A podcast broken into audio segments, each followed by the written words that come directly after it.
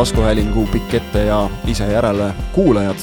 me oleme jõudnud saja seitsmekümne seitsmenda saateni ja päris suured numbrid, aga täna on jälle millest rääkida õnneks äh, jalgpallijuttu äh, kodust, võõrsilt, kodust ja võõrsilt igatepidi, sest et äh, Eesti klubide euromängud vajavad ju jälle kokkuvõtmist, natukene on premium-liigat mängitud, natukene on üleminekuid tehtud ja natukene on ka karikat loositud ning äh, saate lõpus jõuame loomulikult ka naiste EM-ini, mis on siis omakorda ise jõudnud äh, selleni, et poolfinalistid on selged.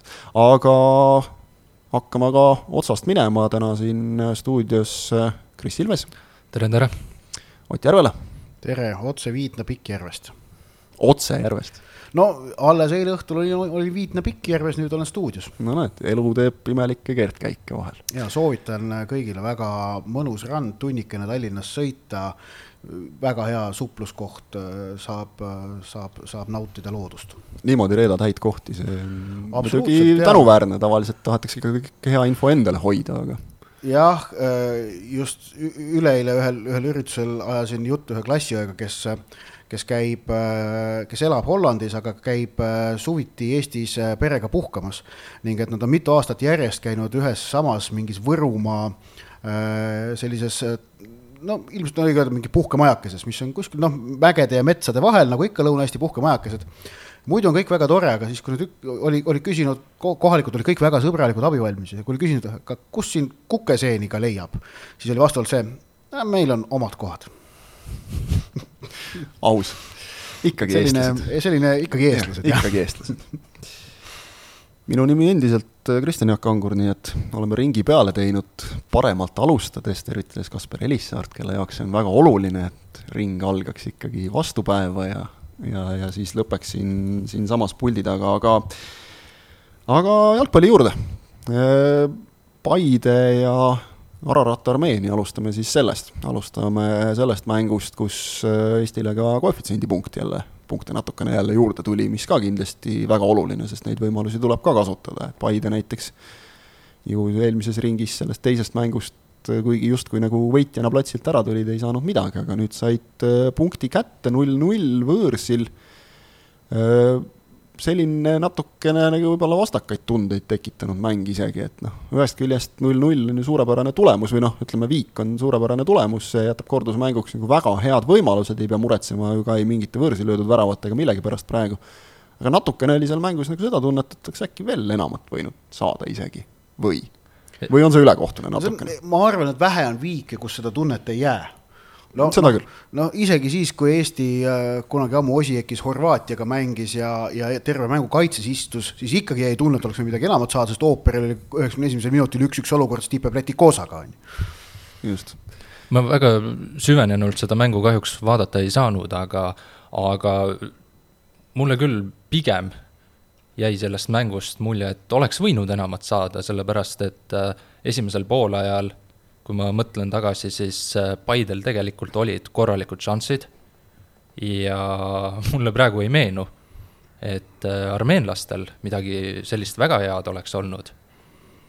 kuigi jah, esimene poolaeg Paidelt oli, oli tegelikult väga hea, kui ma õigesti mäletan, siis kas nad esimesel poolel ründasidki vastu tuult, oli seal jõhker tuul? jaa, just, esimene poolaeg oli Paidel selgelt vastu tuult, et teisel poolel natuke rünnakud läksidki selle nahka, et äh, noh, seal on vaja pikka ette mängida, ükskõik millise palli sa ette mängisid, see läks, läks ja, ja jäigi minema nagu, et, et seal oli väga palju ettesööte, kus prooviti küll niipidi ja naapidi, aga noh, kõik läksid lihtsalt üle otsajoone tuimalt ja ei olnud mingit varianti ründajatel neid kinni joosta, et et see tuul mõjutas ikka nagu väga palju, see staadion on seal kuskil mingi platoo peal nagu, et, et äh, seal tõesti selline hirmus purgaa käib üle kogu aeg ja ja, ja ta mõjutas ikka et mulle tundus, et, et seal vahel on see nagu ilm on nii hull, et noh, isegi kohalikud, kes teavad, noh, isegi nende mängu see segab nagu ikkagi natukene. aga vaata, kui kaugele me oleme juba äh, kas või siin äh, podcast'is jõudnud, et äh, kuidas üldse Paide Euroopast sai, karikafinaalis lisaajal Nõmme Kalju üle võit, esimest korda saadi eurosarjas esimesest ringist edasi ja nüüd me räägime, et oleks võinud ju Armeenia tippklubi vastu võõrsilt võiduga tagasi tulla. No viimased kaks kuud on Karel Voolaidi äh, treeneri siis ütleme noh mm,, kuidas nimetada, ma ei ütleks maine, vaid ma ütleksin siis äh, treeneri äh, kvaliteeti äh, või kvaliteedi kontrolli mõttes olnud hiilgavad. ta on võtnud järgemööda, suutnud võistkonnaga teha väga häid, tugevaid tulemusi kriitilistel hetkedel. karikasarja poolfinaal Floraga, võit penaltiseerias. karikasarja finaal Kaljuga, võit lisaajal. siis Tbilisi Dinamoga, võõrsil võit, Äh, kodus äh, tuldi kaotusseisust lisaaja lõpus välja ja nüüd äh, Jerevanis Armeenia, Ararat Armeeniaga võõrsil tubli viik. kusjuures puhta, see, see, et värav puhas hoiti, see on nagu noh, ma usun, et see mõjub Paidele turgutavalt, et vaata, Dinamo vastu oli tegelikult kaitses kohati ikkagi probleemid ja noh, neli väravat ja vastased lõid kahe mängu peale kokku, et nüüd see nullimäng saadi, see kulus Paidele kindlasti väga ära, et näitas, et nad suudavad ka Euroopas nulli hoida, kui vaja on ehk et need tulemused on, on, see on väga kõva komplekt tulemusi. ja, ja kuidas äh, Karel Voolaidi juhendatud Paide on need saanud, siis need on ikkagi olnud vägagi selgelt just nimelt äh, võistkondliku jalgpalliga ning võistkondlikku potentsiaali üles leides, avades ja ära kasutades. Äh, Paide on ju kõikides euromängudes teinud ära minu meelest maksimaalse lubatud arvu vahetusi no võib-olla mõni üksik on nagu jäänud, aga, aga jah, peaaegu nagu küll. no kodus ja. Pärnus nad tegid ju kuus vahetust. ja, ja, ja kusjuures kõik kuus vahetusmeest lõid penaltit ka minu meelest või? võis olla isegi täiesti. ja, ja, ja no ühesõnaga, Paide oskab äh, ja Voolaid os-, on osanud väga hästi kasutada ära vahetusmängijaid, pinki, äh, sellega võistkonda mängu käigus äh, värskendada, anda lisaimpulsse ja, ja, ja see on olnud väga sümpaatne vaadata, sõltumata sellest, mis nüüd neljapäeval juhtub Pärnus, kuigi noh, kõik loodame ja, ja ma ütlen niimoodi, et noh, uskumine on, on selline nagu narrsõna natukene, aga on põhjendatud ootus, et Paide võib suuta neljapäeval Pärnus teha hea tulemuse. ma arvan, et nad teevad kindlasti hea esituse, kas heast esitusest piisab, selles osas garantiisid ei ole et saada ka hea tulemus. Äh, aga, aga see on väga suur kompliment äh, Paide linnameeskonna selle hooaja mängudele.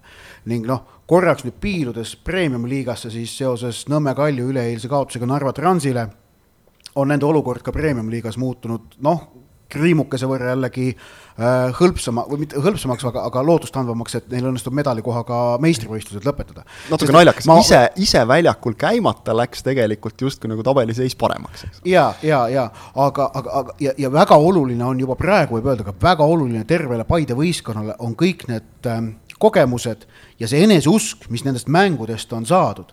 ja just nimelt, et see eneseusk ja kogemused ei piirdu üheteistkümne, kaheteistkümne mängijaga, vaid seda on jagunud kaheksateistkümnele, üheksateistkümnele mängijale, kes on seal eurosarja mängudes platsile saanud, seal tegusid teinud ja võistkonna keerulistest olukordadest äh, välja aidanud. et, et äh, olulistest seisudest on välja tuldud ju ka niimoodi, kui Teibist pole väljakul enam olnud näiteks, kes on olnud vaid üks juhtmängijaid. ja, ja see, kuidas on Kaimar Saagi ja, ja Singatehi äh, rollid olid äh, paika loksutatud, kuidas need teineteist täiendavad, see on olnud kaunis vaadata. no seal on olnud väga palju õnnestumisi Paide, Paide eurohooajas, selliseid väikeseid õnnestumisi, mida on võimalik kaasa võtta edasisele teekonnale nii sel hooajal, aga ka, aga ka pikemalt. jah, see on nagu näide sellest, et äh, noh, üldiselt ikkagi ja, nagu jalgpallitreenerid tipptasemel nad nagu teavad, mida nad teevad, vähemalt neil on plaan, alati see plaan ei, ei teostu, aga, aga nüüd on saanud aina loogilisemaks see, mida Voolaid, mille eest teda hooaja alguses kritiseeriti, et noh, tal ei ole nagu justkui algkoosseisu õiget, eks ole, välja mõeldud just rünnakul eriti. kaitses on asi olnud natukene selgem et noh, mis ta solgutab neid mehi seal nii palju, et noh, valigu välja ja lasku, lasku konkreetsetel meestel mängida, et nii ei tekigi ju mingit mängukindlust. aga järelikult on ta suutnud meestesse nagu, meestes seda eneseusku nagu rahu ja seda rahu hoida, et hooaeg on pikk, kõik te saate oma võimalused ja kõigil on oma roll, see on nüüd kindlasti see viie vahetuse reegel on, on selles mõttes noh, nagu andnud üldse seda näha nagu jalgpallile väga palju juurde, et, et noh, me, me ei saa nagu nii selgelt rääkida minu meelest enam sellest, et on nii-öelda kindel selline põhikoosseis, treenerid peavadki arvestama sellega, sest näiteks nagu Voolaid ise väga õigesti ütles äh, selles, äh, see oli siis Dinamo vastu teine mäng, et, et meie tegelikult nagu Pink tõi ära selle, mitte ainult selle tõttu, et need penaltid sisse lõid, vaid selle tõttu, et et, et pink oli ühtlasem ja, ja pikem, et vastaste algkoosseis võis olla isegi nagu mingite positsioonide võrra noh, nagu natukene teravam ja parem, aga kui mäng läks veel lisaajale, siis, siis tuli sealt, lõigati sealt kasu ja noh, praegu arvestades esimese mängu viiki, siis võib see teine mäng nüüd või te, teise mängu järel ka see asi minna uuesti lisaajale, et, et noh, see ja, ja Paidel on nüüd see kogemus olemas, eks ole, see teadmine, et, et noh, kõik ükskõik, kes alustab või kes tuleb vahetusest, kõigil on selles võistkonnas oma roll, nad teavad, mida, mida tegema peab, et, et noh, mulle tundub, et nende euromängudega see on asi kuidagi nagu paika saadud, sedasama, seda Voolaiu juttu me oleme tegelikult ju rääkinud siin vähemalt nüüd kolmas saade järjest juba, eks ole, aga ta on endiselt asjakohane. ja, ja neljapäevasele mängule otsa vaadates siis äh, kulub väga marjaks ära äh, Dinamo mängu või vastasseisust saadud kogemus, kus Paide tuli ju kolm korda kaotusest välja. ehk et kui peaks juhtuma neljapäeval Pärnus see, et Ararat läheb juhtima, siis no võime olla täiesti kindlad, et Paides see ei tekita mingit paanikat või sellist olu või sellist heitumust, et pagan, nüüd läks väga keeruliseks. tegelikult noh, neil on, neil on väga selge värske kogemus olemas, kuidas nad suudavad võistkonnana oma, oma, oma asjadele, oma tegemistele truuks jäädes oma mänguga kaotusseisust välja tulla. ja, ja see äh, on hea, jälle, jällegi üks väikene hea relv, mis järgmisele matšile kaasa võtta. mida, mida suurem on Arsenal äh, võistkonna käsutuses, seda suurem on tõenäosus, et kõigi nende ootamatustega, mis ühe jalgpallimängu käigus paratamatult ette tulevad, suudetakse toime tulla. aga minu arust nad on olnud vist maksimaalselt üheväravalises kaotusseisus. et kui peaks juhtuma, et äh, jäädakse kahe väravaga taha, siis, siis võib olla olukord äh, natuke teistsugune. aga tulles selle eelmise mängu juurde tagasi, mis Jerevanis toimus, ma ütlen selle kuulsa lause, et ma ei taha midagi Paidelt ära võtta, aga minu arust me eelmisel nädalal äh, podcastis äh, ei maininud seda asjaolu, et äh, tegelikult Ararat Armeenial ei ole hooaeg veel alanud, see oli nende esimene võistlusmäng ja, ja tegelikult nii palju, kui seda mängu sai vaadatud, siis see, see kumas väljakul päris hästi läbi ka. päris tugevalt oli näha jah, et, et isegi mängu käigus noh, see võistkond läks nagu pisut paremaks, aga samas ei tekkinud ka kordagi sellist tunnet, et, et noh, nüüd nüüd on nagu häda, et, et oli küll jah, selliseid perioode, kus Paide võis, võib isegi öelda, et jäi nagu teatava surve alla, mis muide veel oli väga positiivne see, et, et suudeti nii teravalt alustada. et tegelikult oli, noh, kõik me olime vist valmis, et okei okay,, Paide läheb samamoodi, nagu nad läksid eelmistes mängudes, et, et noh, algul tasa ja targu, küll siis teisel poolajal jõuab juurde panna, nagu me oleme näinud tegelikult ka, ka isegi premium-liigas, et, et noh, algused on vahel olnud Paidel natukene sellised konarlikud, on olnud ka häid algusi. seekord oli, oli hea algus, üsnagi terav algus, et isegi võib öelda, et noh, nagu värav oli õhus. Ja, ja samas ei vajutud ka ära, et noh, teinekord sellele järgneb kerge niisugune ärakukkumine, eks ole, jääd ise surve alla, et kui see surve ka oli, siis tegelikult Ararat Armeenia ei suutnud sellest survest nagu midagi erilist luua tegelikult kui, kui vaadata mängu vaadates, see nagu ei tundunud väga nüri mäng. aga kui para-, vaadata pärast nagu palju siis selliseid häid võimalusi oli, siis nagu sa ütlesid, et, et noh, ei tulegi meelde eriti. ei vastastel ega ka Paidel, aga, aga ma usun, et sellest mängust noh, nagu enesekindlust sai, sai küll nüüd rohkem Paide, et, et ma ei, ma ei näinud nagu, et, et seal nüüd Ararat Armeenial võiks noh, see mingi see esimese mängu selline noh, kas pinge või siis väike kramp nagu maha minna, et, et neil on ikkagi palju jällegi uusi mängijaid, uus treener, noh, see on selline, selle regiooni klassika, et, et vahetatakse kahe hooaja vahel palju asju ja, ja, ja oli näha, et, et, et kokkumängu ei ole väga ja ja kokkumäng ei teki sul üheksakümne minutiga ega nüüd siis selle vahepealsete nende noh, tegelikult päevadega, sest et nemad on ju pidanud ka Eesti poole nagu teele sättima ennast, et ega neil pole ka olnud aega nüüd väga palju siin treenida et, et see, see nüüd niimoodi üleöö ei teki, et, et noh, see, see, see võiks nüüd olla Paidele kindlasti nagu väike trump ja noh, kui järgmises ringis ütleme, Maasikas on nagu päris hea praegu ette ka pandud, et Anderleht on ikkagi Anderleht. ta ei ole nüüd selles mõttes nagu kõige glamuursem Euroopa klubi, aga ta on ikkagi, ta on ikka kolmekümne neljakordne, ma mõtlen nagu tavavaataja jaoks, aga ta on ikka kolmekümne neljakordne Belgia meister, nagu Belgia täielik tipp.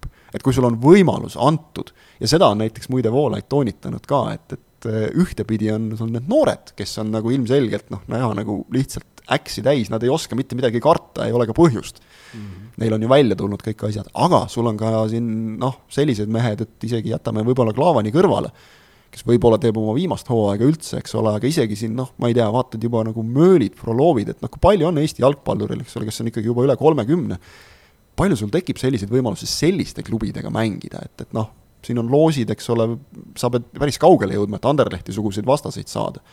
et äh, see, see, see präänik on ikka nagu päris kõva ja, ja ma arvan, et see võib ka olla, olla üks jälle selline väike lisa koostisosa selles, selles Paide noh, ükskõik, kuidas seda siis nimetame, nagu kogu selles kompotis siis. jaa, aga mina nagu neljapäevast mängu ootan sellise ma arvan, põhjendatud kerge optimismiga ja on mõtet ka Eesti jalgpallisõbrad selle neljapäevasele mängule vastu minna, et äh, on põhjust olla kergelt optimistlik. ma arvan küll.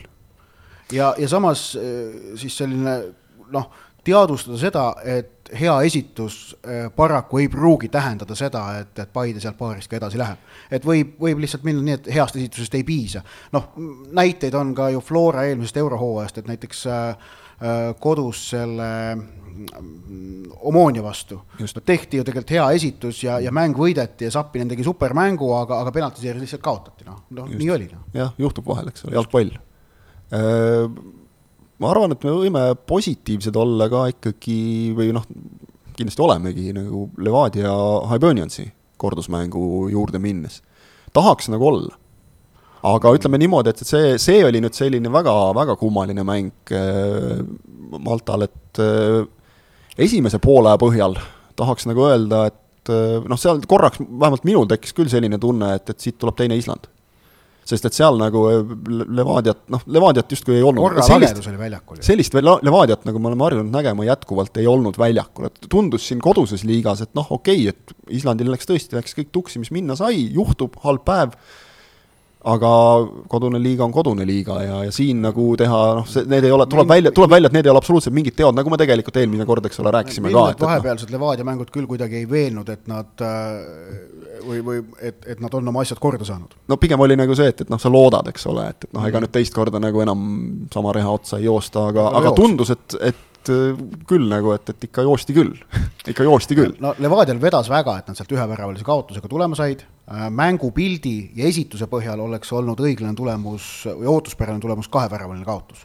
et nad said sealt üheväravalisega tulema, on, on kiitus konkreetsetele mängijatele, antud juhul siis Adžiirile, kes suutis selle, selle hilise kaks-kolm värava veel vastu lüüa ja, ja sellega tekitada äh, kordusmänguks Levadiale noh, normaalse lähtekoha ent, äh, ent ma endiselt äh, arvan, et noh, et vaata, et, selle kordusmängu eel, vaata, kui Paide saab minna sellise mõnusa tunde ja enesekindlusega, siis Levadia paratamatult läheb ebakindlusega. sellepärast nad on kaks euromängu pidanud, mõlemas põrunud.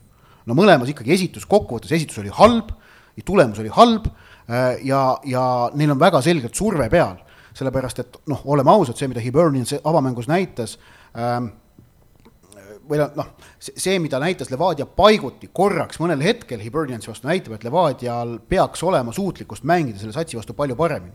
ja Levadial vastu igasuguse kahtluseta, neil on kohustus sellest paarist edasi minna, kui nad ei lähe, on see igal juhul põrumine ja ebaõnnestumine. ning äh, Levadia surve all me oleme näinud kaks korda neid rahvusvaheliselt sel ajal, mõlemal korral on nad murdunud.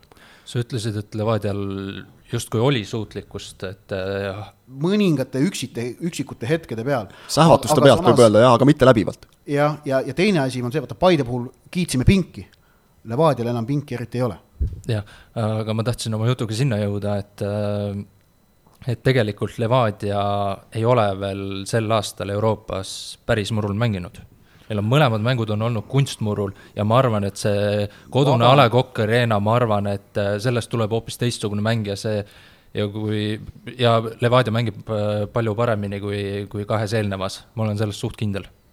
Ma ütlen selle kohta eurosarjas, et äh, kunstmuru, naturaalmuru hooaeg on alanud, hooaeg on kestmas, tugev tuul, suur vihm Äh, halb kohtunik, kes annab arusaamatuid punaseid kaarte natukene, nagu juhtus Ken Kallaste ja Floraga, kõik need on täiesti tühjad vabandused. Äh, eurosarjas äh, rahvusvahelise võistluse üks, üks, üks võlusid ja peamisi eeldusi on suutlikkus kohaneda. kui võistlusmäärused lubavad antud võistlustingimusi, siis on võistkonna asi nendega kohaneda. tugevad kohanevad, nõrgad mitte ja võib-olla see lisab Levadiale e-, enesekindlust, okei okay,, küll kaotati seal äh, Maltal, aga et nad äh, suutsid väravaid lüüa. see no,, see, see just, võib see jaa, kõige see, suurem äh, asi olla, mis kuidas, kordusmängus kuidas see mäng lõpetati, vot see, see võib nagu olla, kui see suudetakse nagu positiivselt kaasa võtta, et tegelikult oli ju nagu noh, ütleme jutumärkides hea võimalus äh, tulla sealt ära ikkagi nagu täiesti peanorus, et noh, sa lööd üks-kahe, sulle tundub, et, et noh, talutav, ja, ja siis lased endale kolmanda panna, eks ole, ja noh, ikkagi see, kuidas, kuidas see värav jälle löödi noh, ikka väga lihtsalt ja labaselt, aga see, et sinna just, et Adžiri suutis sellele veel vastata, see ikkagi jättis nagu praegu vastastele sellise väikse mõru maigu suhu, et noh, me andsime jälle kaheväravalise uuesti ära ja, ja Levadialt sealt, sealt nagu oleks kaasa võtta. Adžiri ja Kirss on äh, mehed, kes suudavad Euroopas äh, mängu teha äh, ja, ja, ja rünnakul vastast ohustada. Aga Levadia probleem on ilmselgelt kaitseliin. Neil on kahe mänguga, saja kaheksakümne minutiga löödud Euroopas üheksa väravat Maximiliano see..., Maximiliano Udži ja Milan Mitrovic no.. et see, see, et nüüd kolm välja võeti, see näitab, et selles mõttes ikkagi see Vikinguri vastu saadud, Vikinguri vastu saadud kuus tükki sisse, et see nagu päris juhus ei olnud. ei olnud jah, et, et noh, ja oleme ausad, Hiberniansil oli võimalusi enamaks et ei olnud see, et Hibernians oleks löönud neljast võimalusest kolm väravat. Valner kohati ikka tassis päris kõvasti. jah et, et seal jah, see, see, see on kindlasti see on, see on nagu see probleemi allikas ja, ja mis, kui, kui nüüd hakata mõtlema, mis seal nagu Levadia kaitse puhul, mis seal nagu siis ei toimi, siis äh, mul on üks nagu tunne ikkagi on, et, et Udje ja Mitrovic äh, vähene liikuvus, vähene kiirus. Nad on, nad on liiga staatilised, liiga aeglased selle Euroopa taseme jaoks. no Mitrovitši, noh, vaadates, kuidas ta selle kolmanda värava puhul üle mängiti, seal minu meelest oli just see täpselt see, et, et see kiirus, suunamuutus, et noh, ta jäi lootusetult hätta. Mängu lõpp, mida lähemale mängu lõpule, seda noh, rohkem need asjad välja löövad, et, et see jah, see nõus, et, et kaks, kaks sellist nagu jõulist kaitsjat, aga, aga et, et sellises olukorras, kus, kus sul on vaja et sa oleksid ka liikuv ja noh, tegelikult kui hakkame mõtlema, et kuidas võiks kulgeda see, kuidas võiks kulgeda, eks ole, see, see mäng siin Tallinnas, et Levadia peab ründama. Mis tähendab, et vastastel on võimalusi tõenäoliselt vasturünnakuteks. mis tähendab, et kiiruse peale võivad jääda vastaste ründajad Uche ja Mitrovitšiga. ja probleem. jah, et, et kaitsja äh,, kaitsja üks võimalus kaitseväärtust hinnata on see, et kuivõrd äh, suure maa-ala suudab ta konkreetses mängusituatsioonis ära turvata. Ja mul on tunne, et Udje ja Mitrovitši puhul eurosarja mängudes nii Vikingu, nii Islandil kui ka Maltal nähtu põhjal, mõlemas mängus need maa-alad olid hoopis-hoopis äh, väiksemad võrreldes sellega, mida me oleme harjunud nägema premium-liigas. sest et ma ei, noh, kas nad ei usalda enda, enda kiiruslikke võimeid aga, aga nad mängisid nagu mingisugune kummipael oleks jala küljes, mingi toki küljes, vaata seal nende noh, nii-öelda kas... nominaalsele positsioonile kinnitatud, et nad ei liikunud sealt liiga palju välja ega kaugele. kas aga üks niimoodi... konks, kas üks konks ei või olla see, et, et Levadia on ju mänginud siin juba ikka väga pikalt, juba eelmisel hooajal kolmese liiniga, praegu mängitakse noh, kolme keskkaitsega, praegu mängitakse taga neljase liiniga, ehk et äkki see nagu kammitseb natukene, et, et noh, ma ei saa liiga palju siin liikuda, meid on ainult kaks, meid ei ole kolm, Peetson on äärekaitsja olnud. no jah ja ei jällegi noh no, tugevad kohanevad, nõrgad mitte. jah, et aga noh, üritades nagu mõelda, et mis see mm. põhjus võiks olla või siis tõesti on ikkagi see, et, et Premium-liiga tempo on midagi hoopis muud võrreldes Euroopaga äkki. aga, aga no vot, aga ühesõnaga, et minu arust nagu Levadia edasipääs äh, või, või siis toppama jäämine pannakse paika Levadia kaitseliinis. ma, ma, kui ma nüüd neljapäevasele mängule otsa vaatan, et ma arvan, et et kui kaitses on asjad, suudetakse asjad, asju parandada ja korras hoida, siis pigem ründajad teevad oma töö ära, aga kui äh, kaitses asju korda ei saada, siis on, on, on keeruline. Rääkisime ka juba eelmisel korral sellest, et äh, oli vist Kaspar see, kes ütles, et, et Levadia üks probleem on ka see, et seda mängusidujat keskväljal ja ehitajat äh, ei ole, see sai siis nüüd lõpuks nagu ka täiesti ametlikuks. Äh,. Bogdan Vaštšuk leidis endale uue klubi äh,, leidis Poolast ja Miletši Stall on siis selle, selle klubi nimi, noh, Poola on Eesti jalgpalluritele selline tuttav sihtkoht ja, ja ka sellest üleminekust tegelikult ilmselt praegu väga palju nagu arvata ei oska peale selle, et äh, korralik, ma ütleks. Et, et noh, loota, et, et Vassiuk, kellel siin on praegu viimasel ajal olnud vigastustega probleeme ja, ja kes võib-olla natuke vähem mänginud sel ajal, et ta nüüd läheks siit äh, jälle kuskile, mis siin on Bundesliga't ja mida kõike tahetud, eks ole, alati Eesti jalgpalluri ülemineku puhul, et see oleks nagu palju tahta, et, et vähemalt minule tundub see nagu loogiline, loogiline samm edasi, aga jah, fakt on see, et äh, Vassiuk on nüüd, on nüüd läinud ja, ja peab saama Levadia ilma, ilma temata hakkama, eks me sellest üleminekust oskame täpsemalt Äh, kokkuvõtteid teha juba siis, kui Vassiuk on ka Poolas platsile saanud. tema senised, senine karjäär ja ütleme, senised esitused Levadias nagu lubavad loota, et hätta ta seal ei peaks küll nagu kuidagimoodi jääma, täna vist on tal esimene mäng. jah, täna peaks esimene mäng olema, aga klubil vähemalt. päris, päris täpselt ei tea, mis tervislik seis Vassiukil on, aga aga kui me toome paralleele Rauno Sappineni üleminekuga Florast äh, samuti Poola kõrgliigasse, siis äh, noh, Sapinenist ka me ei ole seal Poolas äh, väga suurt pilti veel ette saanud, tal ka vigastustega olnud probleeme ja, ja mänguaeg on olnud nagu on no teda on solgutatud seal eri positsioone muide ka natuke. jah, aga kui me mõtleme, et Sapinen Ott, Ott tahab jälle öelda oma selle lause, et tugev kohaneb kõigega, eks ole. ei, ma tahtsin öelda seda, et noh, et ta, ärme unusta, et tal noh, kolm kuud oli väljas. no just, just. jah, vigastus, jah. aga Sapinen, kui ta läks premium-liigast Poola kõrgliigasse, siis ta oli premium-liiga kas kõige parem või üks parematest no, mängijatest. no pigem ikka kõige parem, jah. aga mõtleme tegelikult Vassiuki eelmist hooaega, ta oli ka üks premium-liiga parematest mängijatest. et selles mõttes see samm Sappineniga on äh, võrdne, saab, saab võrrelda, et igati loogiline no sõltub jah, kuidas teda seal kasutama hakatakse ja kas ta, kuidas ta ennast leiab seal ja, ja kõik, kõik see, eks seda saame juba siin tõesti loodetavasti noh, paari kuu jooksul hinnata, et ta seal mänguaega saaks. ja lepingu pikkus oli kaks aastat, mis on ka selles mõttes et ei ole mingi ajutise lahendusega tegemist. pigem hea no arvestades, et Rauno Sappinen on siiski selgelt parem jalgpallur kui Bogdan Vassiuk ja et Sappinenil oli Poola kõrgliigas või on olnud tegelikult enda kehtestamisega mitte lihtne siis äh, ma eeldan, et Vassiukil äh, sama väljakutse, äh, et, et see väljakutse on Vassiuki, Vassiuki jaoks tõsine. loodetavasti saab hakkama. loodame. üleminekutest rääkides, siis tehti Eesti liigas, kuigi siin veel noh, on aega natukene sättida meeskondadel ja üldiselt on üsna rahulik aken olnud, et, et siin küll on nüüd, nüüd juba vaata, nagu viimane nädal algab, siis hakkavad kõlakad tulema, et, et kes toob kust igasuguseid välismaalasi, nii et vaatame kindlasti äh, kindlasti mingid tõmbed tehakse veel, kas või seesama Levadia ikkagi noh, mingitele positsioonidele otsitakse, võib-olla sõltub ka natukene sellest, kuidas läheb äh, mäng, eks ole. ma arvan, et sellest võib päris palju sõltuda jah, et kui neljapäeval võidetakse, siis on järgmine vastane on RFC, Läti klubi, ja siis võib juhtuda, et äh, reede, laupäev, pühapäev äh, tuuakse mängijaid just, RFS vist, kui päris täpselt, seal on mitu neid RFS, rigasid lätlastel. mitte Riga FC, vaid RFS, äh, aga, aga jah, et, et siis on neil veel Eesti üleminekuakna lõpuni ka mõni päev aega ja saavad tuua. aga üks huvitavamaid äh, liigutusi tõmbeks nagu ei saa nimetada, sest et äh, nagu laenudes tihti on sees need, et õigus mehi tagasi ka kutsuda poole hooaja pealt, ehk siis Kristjan Lapa läheb äh, või, või tuleb, kuidas iganes pidi seda vaadata, FC Florasse ja Ingmar-Krister Poplavskis äh, Kuressaaresse. selline, selline lüke siis.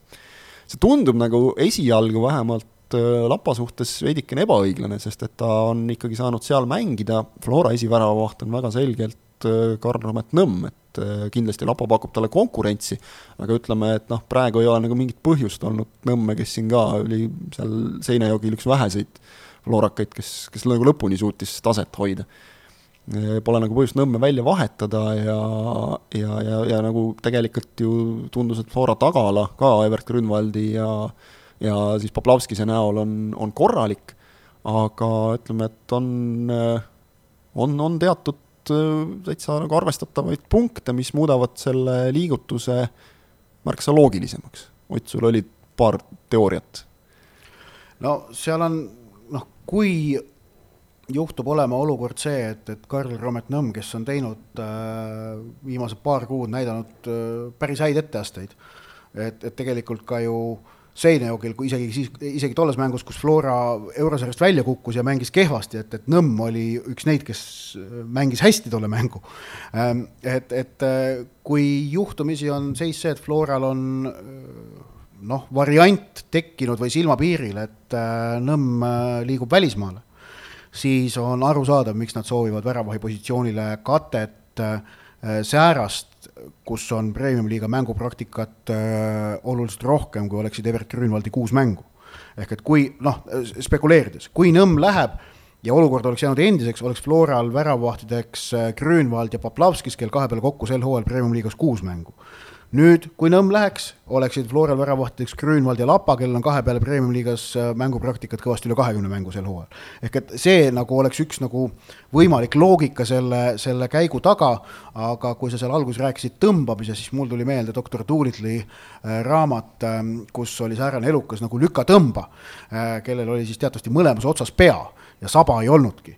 ja säärane haruldane elukas siis Aafrika metsades ahvide kuningriigi lähistel elas ja ja sõitis siis doktor Doolittliga tagasi e, Inglismaale, kus teda ränga raha eest tsirkuses näitama hakati. jah. ma ütlen sulle vastu, võib-olla su loogika on õige, aga see on, ma saan aru, et puhtalt spekulatsioon, aga, aga sel juhul äh, ma ei saa Florast aru, et siis oleks äh, see Nõmme siirdumine, eeldatav siirdumine välismaale ju paigas ei, nad äh, võiks, nad ei, ei no vaata, välismaal üleminekuaknad äh, on, on lahti kauem kui Eestis. aa, õigus, jah, seda küll, et üleminekuaknad ei kattu. et nad äh, oleksid saanud on, on riike, kus üleminekuaken on lahti augusti lõpuni. õigus, õigus, õigus, ma lihtsalt mõtlesin, et nad oleksid saanud selle Lapa uudisega natuke venitada veel, et ei olnud põhjust no nad hetkel, selles aga... mõttes nad venitasidki, et kui Kuressaare tuli selle infoga siin nädalavahetusel lagedale, siis Flora alles täna, aga, aga okei okay aga Lapast on Lapast on kahju, kahju. inimlikult, jah, et, et noh, mees ju eelmise aasta tegi selles mõttes nagu väga vägeva, et, et täpselt jälle jõuame sinna, et kohanes tingimustega, käis äh, väeteenistusest äh, mängimas, trennidesse vist nagu liiga palju, vähemalt esialgu ei jõudnud ka, aga, aga, aga ei lasknud nagu vormil langeda, on teinud siin kõvasti nullimänge sel hooajal ja ja noh, ega tal ka klubisisene konkurents Magnus Karoffeldi näol noh, täitsa nagu ikkagi arvestatav olemas, et äh, et, et nüüd tuua nagu jah, selle argumendiga, et, et noh, anname, ta on teeninud välja võimaluse võidelda Nõmmega Flora esiväravahiks saamise nimel, et noh, ma, ma arvan, et ta ei ole liiga õnnelik selle võimaluse pakkumise üle nagu.. me ütleme, et meil on kahju temast, kui sa saad Floras võidelda esikoha nimel. et noh, jah, nagu et noh, jah, okei okay. et noh, mängija tahab mängida, see on selge ja noh, väravavahtide puhul on selge, et, et kui aga no ei saa välistada, et ta tõusebki esivärava. ei, muidugi ei saa, et ei saa välistada ka seda, et, et Nõmme ei lähe kuskile, ta mängibki lihtsalt ei. nagu kuidagimoodi Nõmme pingile, eks ole, et, et Grünwald mängis hooaja alguses Nõmme pingil. just, et, et see on, see on tehtav nagu täiesti. samas Nõmm on sealt muidugi väga hästi tagasi tulnud. sellest, seda tuleb nagu just. kindlasti tema tunnustuseks öelda. no Nõmmel oli minu meelest oli Viljandis samamoodi vähemalt korra, et, et äh, vist nagu võib-olla mingil hetkel tundus, et, et okei okay,, nüüd olen esiväravavaht ja tehti kiirelt selgeks, et ei ole. ja see mõjus Nõmmele väga hästi et, et ta tõstis kohe oma mängutaset kõvasti ja noh, see on ainult nagu positiivne, et et näis, mis sellest, mis sellest kõigest saab, aga jah, selline huvitav aga lüke igatahes. kui teise nurga alt vaadata, ütlesime, et Lapast on kahju, siis Poplavskise üle on vastupidi just hea meel no Poplavskisega tema on äh, vigastustega just. hädas olnud äh, selle hooaja alguses ja ka eelmistel aastatel, et mm -hmm. kui ta nüüd saaks korralikult jalad alla ja Kuressaare ei ole talle võõras koht, on ta seal varemgi mänginud, et kui ta saaks ja korra, no. tuttavas keskkonnas korralikult jalad alla, siis, siis ja. eks me näe, mis, mis tulevik talle toob. jah, usuks, et et võib saada ka lisaks tal on Viljandi tuleviku ajast ka seda premium-liiga kogemust, nii et, et ei ole ei, ei ole nagu selline tundmatuskohas vette hüppamine kindlasti.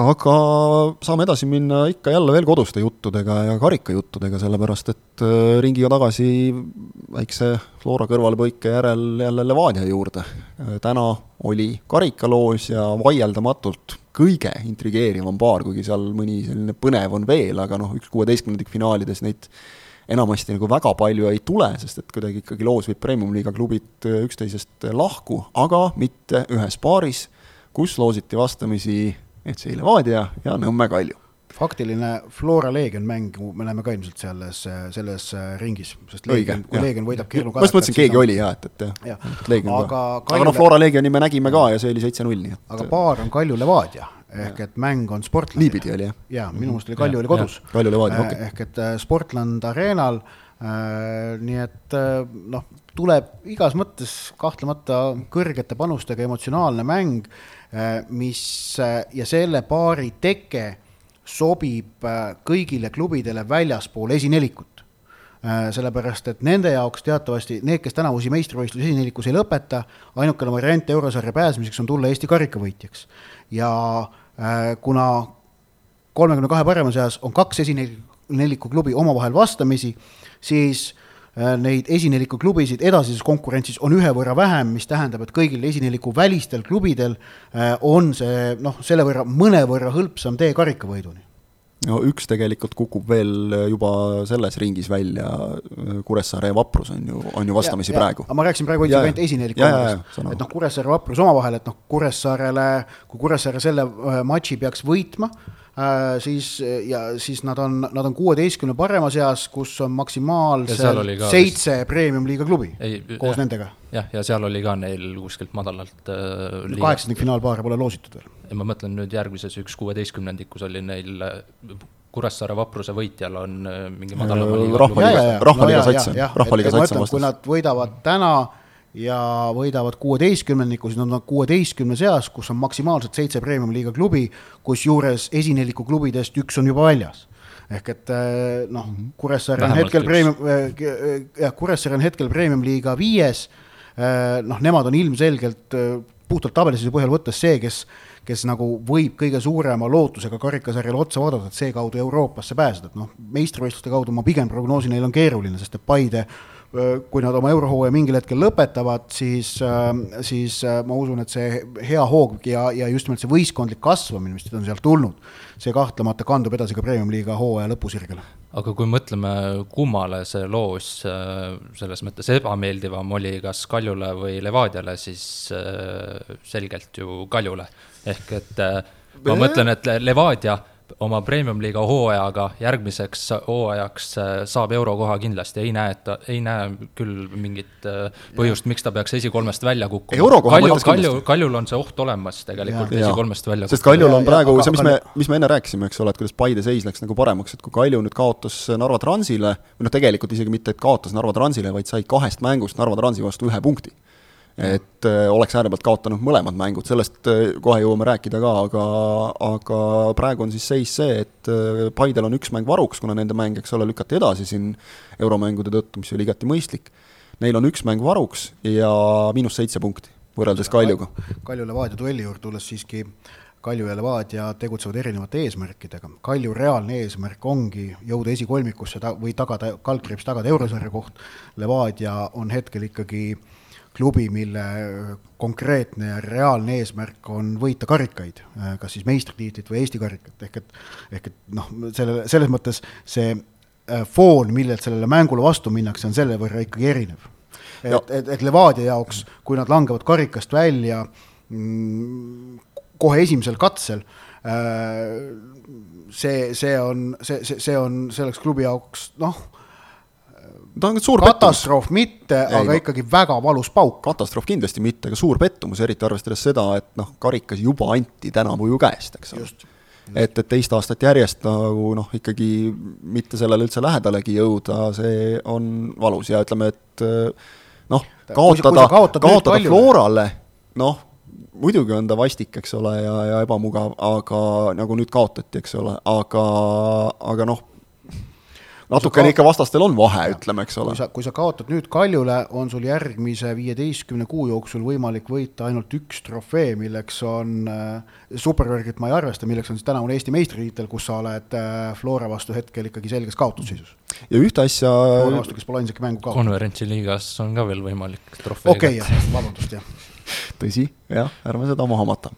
aga natuke rääkides veel selle nurga alt ka, et, et noh, meil on nüüd, eks ole, uuest hooajast neli klubi või neli siis kohta juures Euroopas.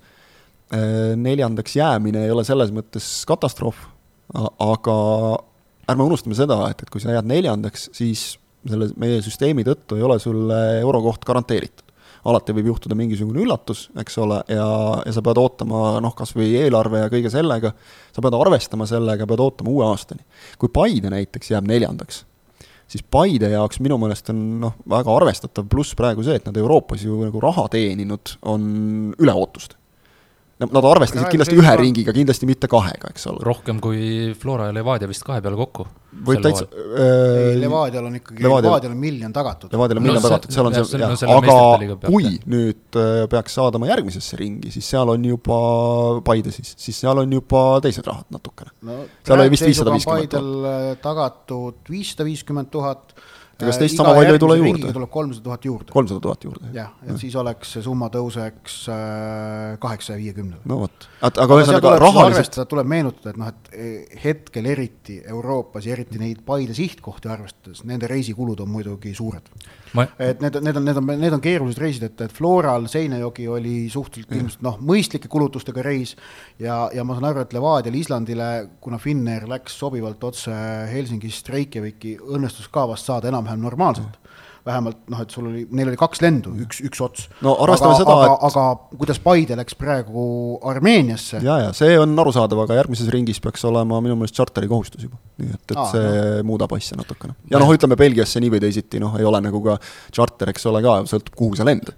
ma ajasin sassi, et äh, Paide on äh, rohkem koefitsienti punkte Eestile toonud kui äh, Levadia Flora kahe peale kokku sel hooajal.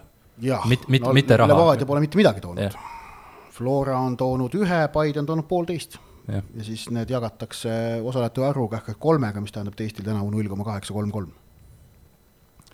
just, ma korra vaatan veel, mis meil oli see kolmandas konverentsiliiga kolmandas kvalifikatsiooniringis välja langev klubi peaks saama viissada viiskümmend tuhat eurot, aga praegu. sa saad iga ringi eest veel sada tuhat juurde. ka. et see on siis see kaheksasada viiskümmend tuhat kokku, jah. jaa, just, just. Et noh, ütleme Paidel nagu selles mõttes on, on see puhver, eks ole, et, et kui sa jääd neljandaks ja kui peaks juhtuma, et sa ei saa Euroopasse, et noh, siis sa saad nagu oma asja edasi ajada, Kalju jäi nüüd sel hooajal eurorahadeta, eks ole, ja, ja kui nad noh, peavad ikkagi nagu komplekteerima võistkonda ka järgmiseks hooajaks, teadmata, kas see on neil olemas, siis, siis see on ikkagi noh, ütleme, sisaldab teatavaid riske. aga Eesti, Eesti äh, jalgpalli vaatevinklist oleks hea, kui Kalju jõuaks Euroopasse. jah, ta tekitaks seal noh, tasavägisemaks ajaks selle asja nagu, eks ole, rahalises ja, ja igas muus mõttes ja noh, Kalju on teinud sammu edasi, nii et, et noh, vähemalt praeguse põhjal nad seda seda kolmandat tabelikohta ka, ka väärivad, aga jah, ei saa üle ega ümber sellest, et, et nädala jooksul kaks mängu Narva Transiga ja, ja Trans leidis ennast, tundub, et väga õigel hetkel. Ehk äh, ühe mängu pööras Kalju enda kasuks päris, päris lõpu, või noh, enda kasuks sai vähemalt midagi kätte sealt päris mängu lõpus, aga teise Trans hoopis. ja, ja noh, nii nagu tegelikult ütles esimese mängu järel Alex-Mattias Tamm, kui temaga juttu ajasin, et noh, treenerid juba rääkisid ka, et, et eh, paberil võrdsed meeskonnad.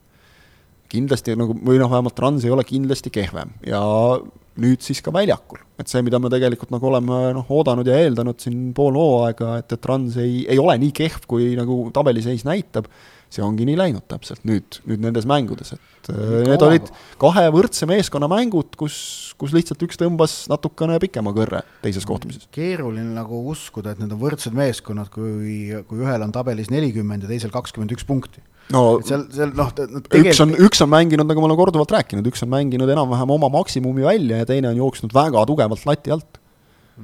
paberil, ma ütlesin, paberil võrdsed meeskonnad, mitte see ei, jälle see ei huvita kedagi, kui sa seda välja ei mängi, aga ütleme noh, kas nad nüüd võrdsed on, võib-olla päris seda mitte, aga et, et nad on ikkagi väga lähedal teineteisele taseme mõistes. no kui Kalju siin vahepeal unistas Levadia püüdmisest või noh, siiamaani unistab, siis äh, tundub, et see rong äh, hakkab eest ära minema, et äh, tuleb vaadata selja taha, et see, et see Paide seal selja taga hoida. jah, et noh, et ikkagi viis punkti läks praegu kaduma äh, ja vahe Levadiaga on üksteist, ta võiks olla kuus, sel juhul kuus oleks äh, viimase kuueteist vooruga kindlasti tagasi mängitav, üksteist ausalt öelda praegu äh, on, on keeruline näha, et Kalju suudaks tagasi teha ning Paide kaotab siis hetkel Kaljule seitsmega, aga omab mängu varuks no mida muidugi oleme näinud ka, et mis Paide puhul ei pruugi nagu väga palju tähendada. see oli, see oli, kui ma ei eksi, oli mäng vaprusega vist, mis neil Jah. jah, nii et eh, noh, oleme ausad, ikkagi väga tõenäoliselt kolme punkti mäng, aga, aga see tähendaks siis, et noh, selline miinuspunktidega kaotus äh, Kaljul on ainult neli punkti Paidel praegu. ja kui Transi vaatame, siis äh, nemad sihivad ainult kõrgele, mis see vahe Kuressaare on seitsmega ees. seitse, noh, tehtav täiesti, eks ole. no arvestades, mis Kuressaare on ikkagi stabiilne ja hea olnud. ja aga ma ütlen Trans on ka viimasel ajal. nõus, et Kuressaare on olnud stabiilne ja hea, aga endiselt ma ütlen, seitse punkti pool, peaaegu poole hooajaga on tehtav.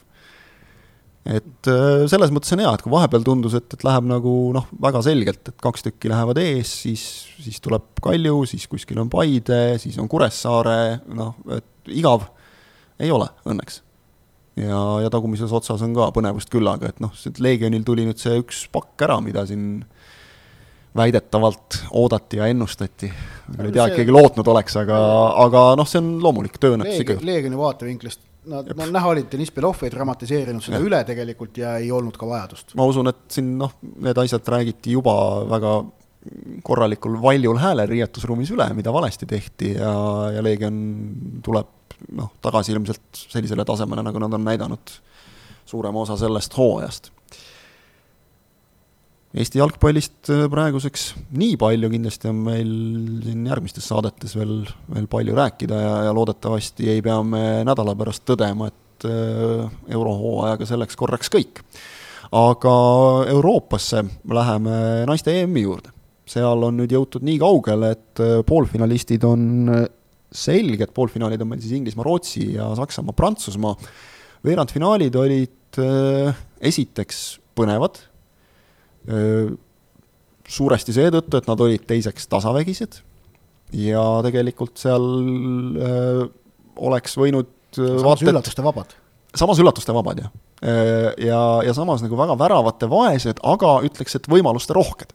sellised omapärased mängud. Nagu. no väravavahtide säramine oli üks selle veera-, üks veerandfinaalide märksõna, sellepärast et et ju nii äh, siis Rootsi-Belgia mängus, äh, kus, kus säras Belgia väravavaht, nimi tuleb kohe meelde, Niki Evard, Evrard, kui ka Prantsusmaa-Holland mängus, kus siis Daphne von Tomselaar, kes kusjuures on ju Hollandi naiskonna teine väravaht, nende, nende põhivaht sai turniiri alguses vigastada, tegid noh, suurepärased partiid ja nemad olid suuresti äh, Äh, nii-öelda siis jutumärkides süüdlased selles, et kohtumised veel üheksakümnendal minutil olid mõlemad null-null viigis. Rootsi suutis üheksakümne teisel minutil mängu ära otsustada, Prantsusmaa vajas lisaaega, mõlemad nad ikkagi tegelikult soosikud lõpuks olid ja, ja edasi läksid.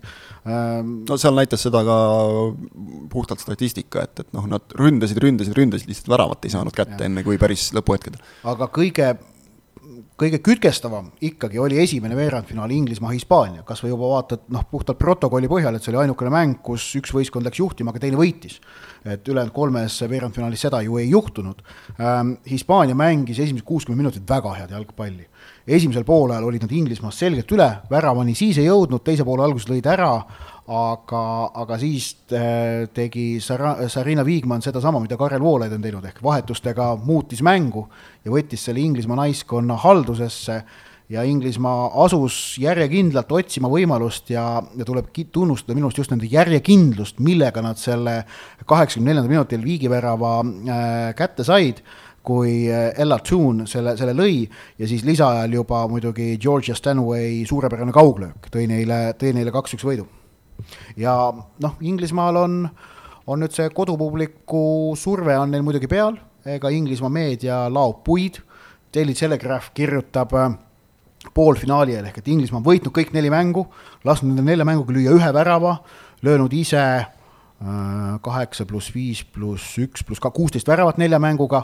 Äh, ja siis Daily Telegraphi pealkiri on neli asja, mida peatreener peab enne poolfinaali muutma vot see on see, see, see on see tüüpiline Inglismaa suhtumine. see, see on nüüd see, et, kui see mis... naiste jalgpall tahab nagu jõuda selles mõttes äh, mõistetavalt äh, noh, meeste jalgpalliga selles suhtes samale tasemele, et kajastus kõik oleks sama, siis nüüd on nagu see, et oot-oot-oot, et seda me nüüd küll ei küsinud nagu no.. aga said selle ka, et, et siin no, ei ole nagu mitte midagi. see on inglaslik jah, et, et ja. noh, kuna turniir toimub Inglismaal, eeldatakse, nõutakse, oodatakse, tahetakse, siis ongi see, et siis hakatakse üle ka kruvima kohe seda pinget, et noh, tegelikult Inglismaa, Rootsi, ma nüüd ei tea, kumb see soosik seal nüüd tingimata no, on. on. kerge on, eks ole, aga noh, ütleme muidugi inglaste jaoks ja just nende samade lehtede jaoks, noh, ideaalne finaal finaal oleks Inglismaa-Saksamaa.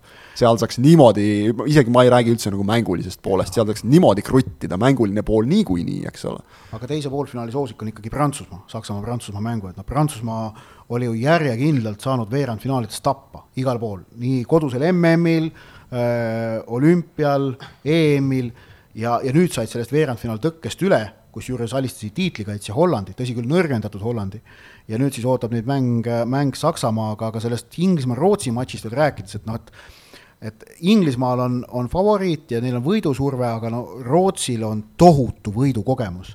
Nad on olnud ikkagi väga edukas naiskond, seal on väga palju kogemusi nii koondise kui klubi tasemel ja noh, mul endal isiklik see, kuidas öelda, mälestus Rootsi koondisega on see, et ma eelmine aasta Tokyo olümpial vaatasin ju olümpiafinaali koha peal, kus Rootsi oli penaltiseerias enne viiendat, enne viiendas, viienda löögipaari teist lööjat oli edu see, oli, oli olukord see, et kui rootslanna läheb, lööb sisse, nad olümpiavõitjad. lõi üle.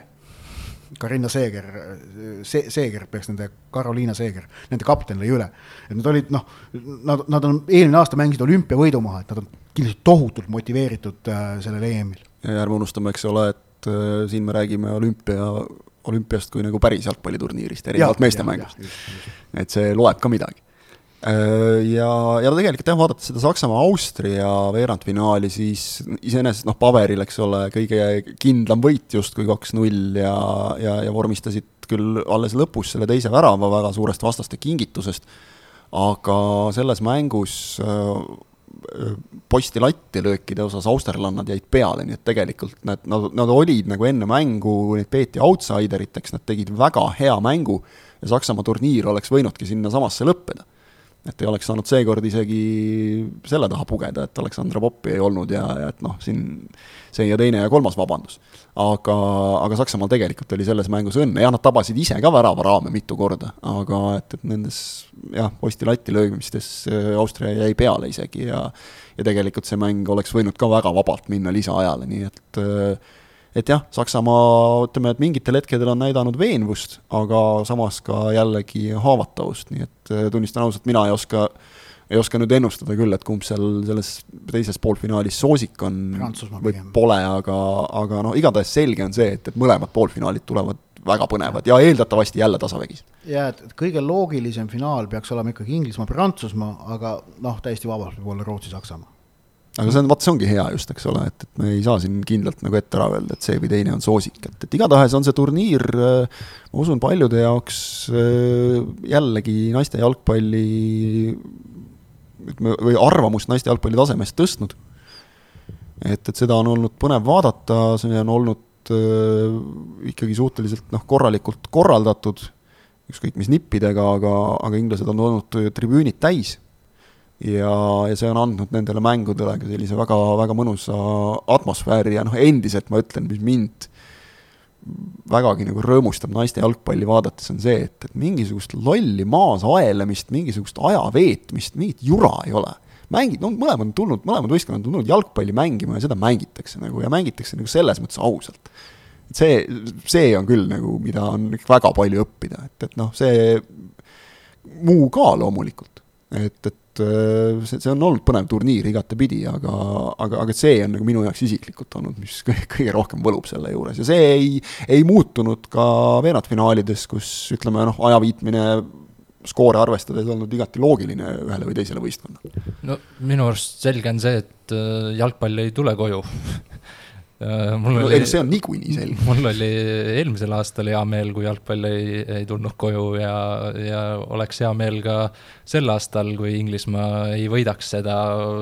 see on minu enda isiklik probleem, aga, aga ma ei ole väga palju seda turniiri vaadanud, äh, nii palju kui olen, olen sattunud ekraani taha, siis pigem olen ka positiivselt üllatunud just kvaliteedi osas äh, nii alagrupi turniiril kui ka nüüd play-off ides, ehk et äh, pigem kui ma mõtlen ajale tagasi, viis-kuus aastat tagasi, kui sattusin mõnda naiste tippkoondiste mänge näiteks vaatama, siis äh, selle ajaga võrreldes on olukord muutunud, vähemalt lihtsalt kui mängu vaadates, on näha kvaliteeti, on äh, on kõrvalt näha, et on panustatud naiste jalgpalli ja no,. viis ja... aastat tagasi oli ka juba, kaks tuhat seitseteist EM oli ikkagi väga selge läbimurre uue kvaliteedi ta,, uue kvaliteedi taseme nägemine, kui, kui Holland äh, Euroopa meistriks tuli. jah, see kvaliteet on üks asi, eks ole, see on nagu tipus olnud kaua olemas juba, aga mind hämmastas see, kui ma vaatasin äh, inglaste, inglannade väravalööja, viigiväravalööja Ella Toon ja, ja uurisin ta tausta natukene ja jäi silma, et äh, ta alustas Manchester Unitedis, siis äh, siirdus, kui mälu ei peta, vist Blackburn Roversisse, mis on noh, sama piirkonna klubi äh,, siis Manchester Citysse ja siis tagasi Manchester Unitedisse. mis noh, on nagu veidikene kummaline, eks ole.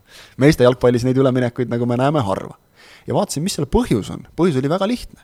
kui Ella Toon oli valmis, ta oli noorena Manchester Unitedis ja kui ta oli valmis mängima tipptasemel, vist umbes kahekümneselt või, või isegi nooremalt natukene veel, siis tõenäoliselt ta oleks tahtnud mängida Manchester Unitedi naiskonna eest. aga miks ta seda teha ei saanud, miks ta liitus Manchester City'ga, sellel oli väga lihtne põhjendus, Manchester Unitedil lihtsalt ei olnud korralikul tasemel mängivat naiskonda sel ajal. ja see, sellest ei ole üldse väga palju aastaid möödas. et et eh, noh, me oleme isegi siin näinud, kui Eesti klubisid on siin ka loositud, eh, oli Pärnu vist, kes mängis Wolfsburgiga, kui ma õigesti mäletan. Ott, sul on äkki paremini meeles? kas oli pärnakatel? Pärnul Wolfsburgiga, eks ole, jah, just. ja, ja noh, need skoorid olid, eh, olid suured. null mõniteist. jah, ja mõlemas mängus noh, ja, ja noh, klassivahe oli nagu meeletu. Pärnu mängis tublilt, aga no ei olnud lootust ka.